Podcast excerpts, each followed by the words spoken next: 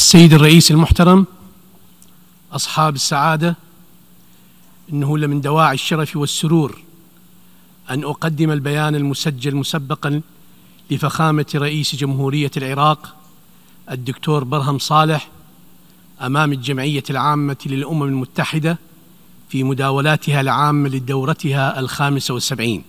وشكرا. بسم الله الرحمن الرحيم.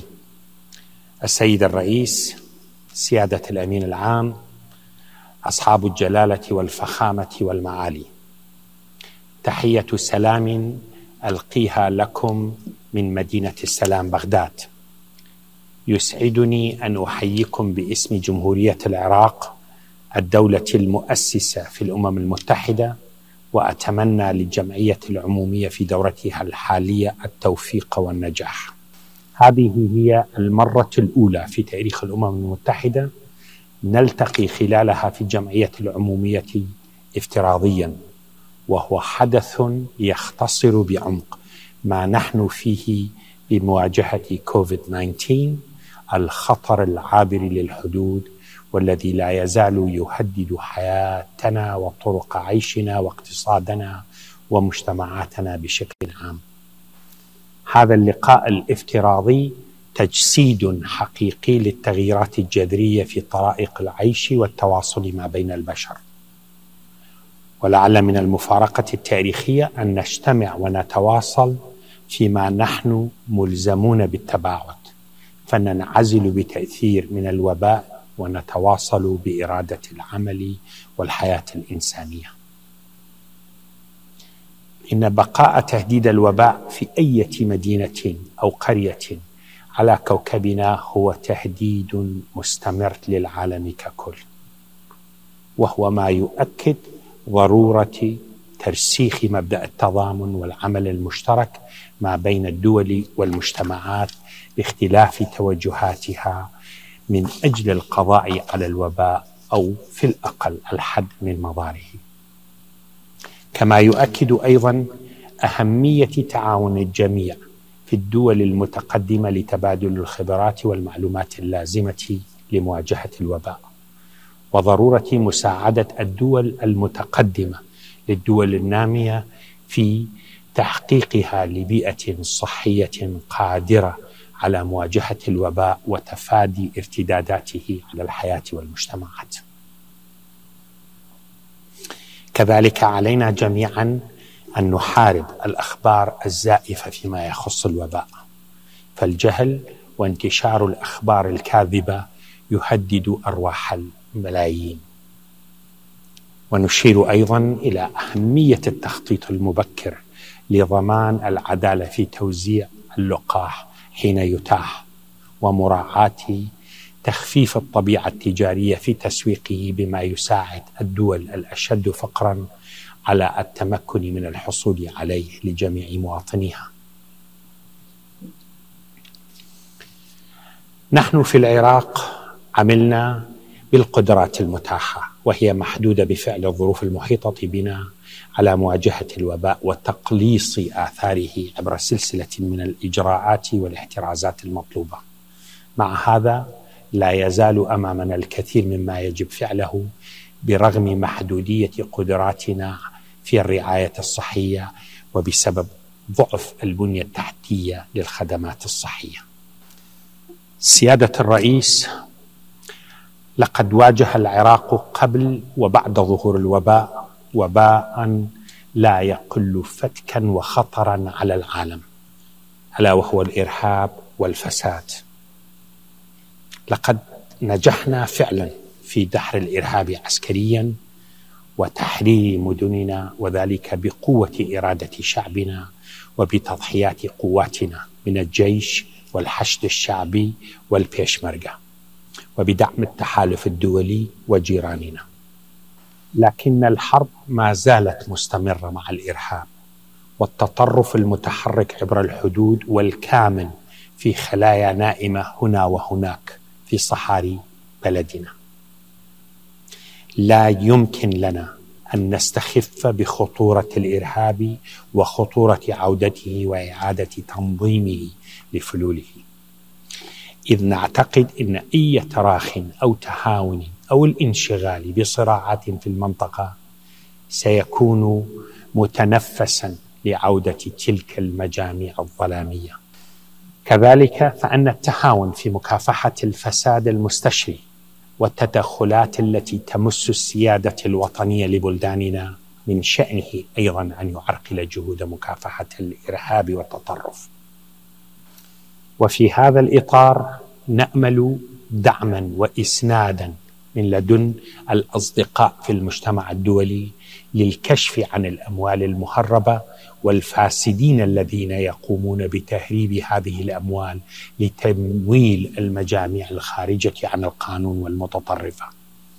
الفساد آفة تعانيها كثير من البلدان ولقد خطف الفساد من العراقيين التمتع بنعم بلادهم بل ساهم في تدميرها لسنوات طويلة ويشعر العراقيون إزاء أثرها في دولتهم بالكثير من المرارة والغضب. وانطلاقا من هذا فقد وجهت في العام الماضي ومن خلال الجمعية العمومية دعوة لتشكيل تحالف دولي لمحاربة الفساد واسترجاع الأموال المنهوبة على غرار التحالف الدولي ضد الإرهاب. واليوم أيضا أكرر هذه الدعوة حيث لا يمكن القضاء على الإرهاب إلا بتجفيف منابع تمويله وإنهاء الفساد بوصفه الاقتصاد السياسي للعنف والإرهاب وتأثيره المدمر على اقتصاديات الدول وتعطيل إرادة الشعوب في التقدم والبناء. سيد الرئيس يجب أن نقف عند جرائم الإبادة وسلسلة المجازر التي حصلت بحق الازيديين في بلدنا والتي كانت تهدف إلى إنهاء وجودهم. الأمر الذي يستدعي من المجتمع الدولي الوقوف ومساعدة العراق على منع تكرار هذه الجرائم. قبل أيام كنت في اجتماع مع مواطنات يزيديات وتركمان شيعة وشبك أتيحت لهن النجاة من وحشية الإرهاب ومن فظاعة ما لقينا من جرائمه. واستمعت إلى المعاناة المؤلمة التي ما زالت مستمرة بالرغم من مرور أكثر من ثلاث سنوات على تحرير المدن بالكامل. فإن هؤلاء السيدات ما زلن يعشن المعاناة النفسية والجسدية من جراء ما حدث لهن من إبادة وتهجير وتعذيب نفسي وجسدي كما ما زلنا يعشن في المخيمات. علينا العمل من أجل إعادة النازحين والمهجرين لمدنهم وقراهم. وبكل ما يتطلب ذلك من جهود. وهذا يتطلب أيضا من الأصدقاء والمنظمة الدولية موقفا ساندا لإمكاناتنا وجهودنا. سيادة الرئيس العراق محمل بتركات أكثر من أربعين عاما من الحروب والمعاناة والحصار واستباحة الإرهاب. وقد عانى هذا العام كما هو الحال مع بقية الدول من انهيار أسعار النفط في الأسواق العالمية وتبعات الأزمة الاقتصادية العالمية من جراء محنة كورونا. كان لهذا الانهيار المتزامن مع الوباء أثره الخطير حيث وضعنا فجأة أمام تحديات جسيمة. ولقد مر قرابة عام منذ أن شهد العراق حراكا شعبيا نابعا من الرغبة بإحداث تغيير في البلاد يناسب طموحات العراقيين جميعا. هذا الحراك يشمل نقاشا حيا حول أسس الدولة وكيفية إدارتها وحقوق شعبها. لقد انطلق مسار الإصلاح في البلاد ولكنه يحتاج إلى وقت وإلى جهود حثيثة ليجلب النتائج المرجوة. الخطوات التي اتخذناها في هذا المسار تشير إلى إمكانية إحداث التغيير السلمي والدستوري بعيدا عن العنف وهذا ما يريده العراقيون. في غمرة هذه الظروف تشكلت خلال هذا العام حكومة جديدة برئاسة السيد مصطفى الكاظمي وذلك استجابة للحراك الشعبي الكبير المطالب بالإصلاح. أستطيع القول وفي ضوء تجربة ما بعد الاستبداد إن هناك إقرارا متناميا باستحالة استمرار الوضع القائم. العراقيون يتطلعون إلى عقد سياسي جديد يعالج الخلل البنيوي الكامن في منظومة الحكم ما بعد 2003 ويضمن لهم حكما رشيدا. واستجابة للإرادة الشعبية فأن أمام الحكومة مسؤوليات كبيرة تتمثل في جانبها الأساس بإجراء الإصلاحات الهيكلية السياسية والاقتصادية والإدارية. وهذا ما يتطلب مكافحة الفساد والمفسدين الذين يشكلون الوجه الآخر للإرهاب. ومن المهام الأساسية للحكومة أيضا العمل على إجراء انتخابات مبكرة في العام القادم. نزيهه وشفافه وفق قانون جديد وبتمثيل أعدل وأشمل وذلك إيفاء للحراك الشعبي الوطني الساعي لترسيخ الديمقراطية وتحقيق التطلع المشروع للعراقيين في حياة حرة وكريمة ولكي تكون لهم في بلدهم السلطة والكلمة العليا وتكون الحكومة منبثقه منهم وترعى مصالحهم وتسعى لتحقيق طموحاتهم. كما تجد الحكومة أنها مطالبة أيضا بموجب هذا بعمل آخر لا يقل أهمية وهو حصر السلاح بيد الدولة ومنع حيازته أو استخدامه خارج إطار القانون ومؤسسات الدولة وكذلك التحقيق في جرائم قتل المتظاهرين وأفراد القوات الأمنية. فمواجهة الجماعات الخارجة عن القانون وضبط السلاح المنفلت هو صراع الدولة مع قوى الفوضى والتطرف. ويقينا ليس بالمهمة اليسيرة لكنه واجب التحقيق.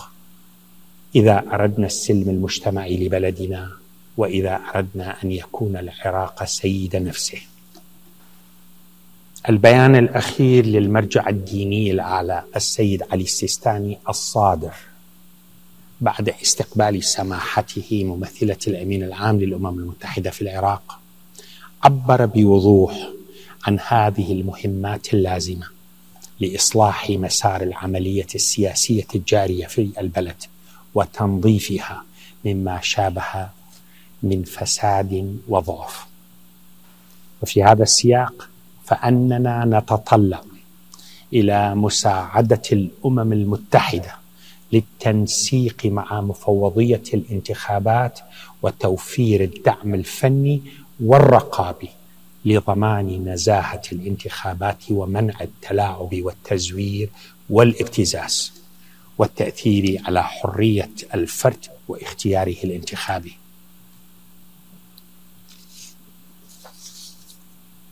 سيادة الرئيس مشروعنا الوطني هو ترسيخ الدولة المقتدرة والقادرة على فرض القانون والمتمكنة من الإيفاء بحقوق مواطنيها. لا نريد أن يكون العراق ساحة للصراعات ولتصفية حسابات الآخرين على أرضه. يكفي العراق ما مر به من الحروب والحصار والإرهاب وانتهاك السيادة العراق المستقل ذات السيادة سيكون نقطة التقاء المصالح المشتركة للشعوب وبلدان المنطقة ومنطلقا لمنظومة إقليمية قائمة على أساس التعاون الاقتصادي والأمن المشترك في مواجهة الإرهاب والتطرف. نتطلع إلى دعم فاعل من جيراننا ومن المجتمع الدولي لهذا المشروع الوطني والذي سيكون له تبعات كبيرة ومؤثرة على مستقبل العراق والمنطقة بل والعالم. وفي هذا الإطار يؤكد العراق موقفه بضرورة حل للقضية الفلسطينية وتلبية حقوق الشعب الفلسطيني في دولته المستقلة وهذا ما يساعد في استقرار المنطقة والعالم.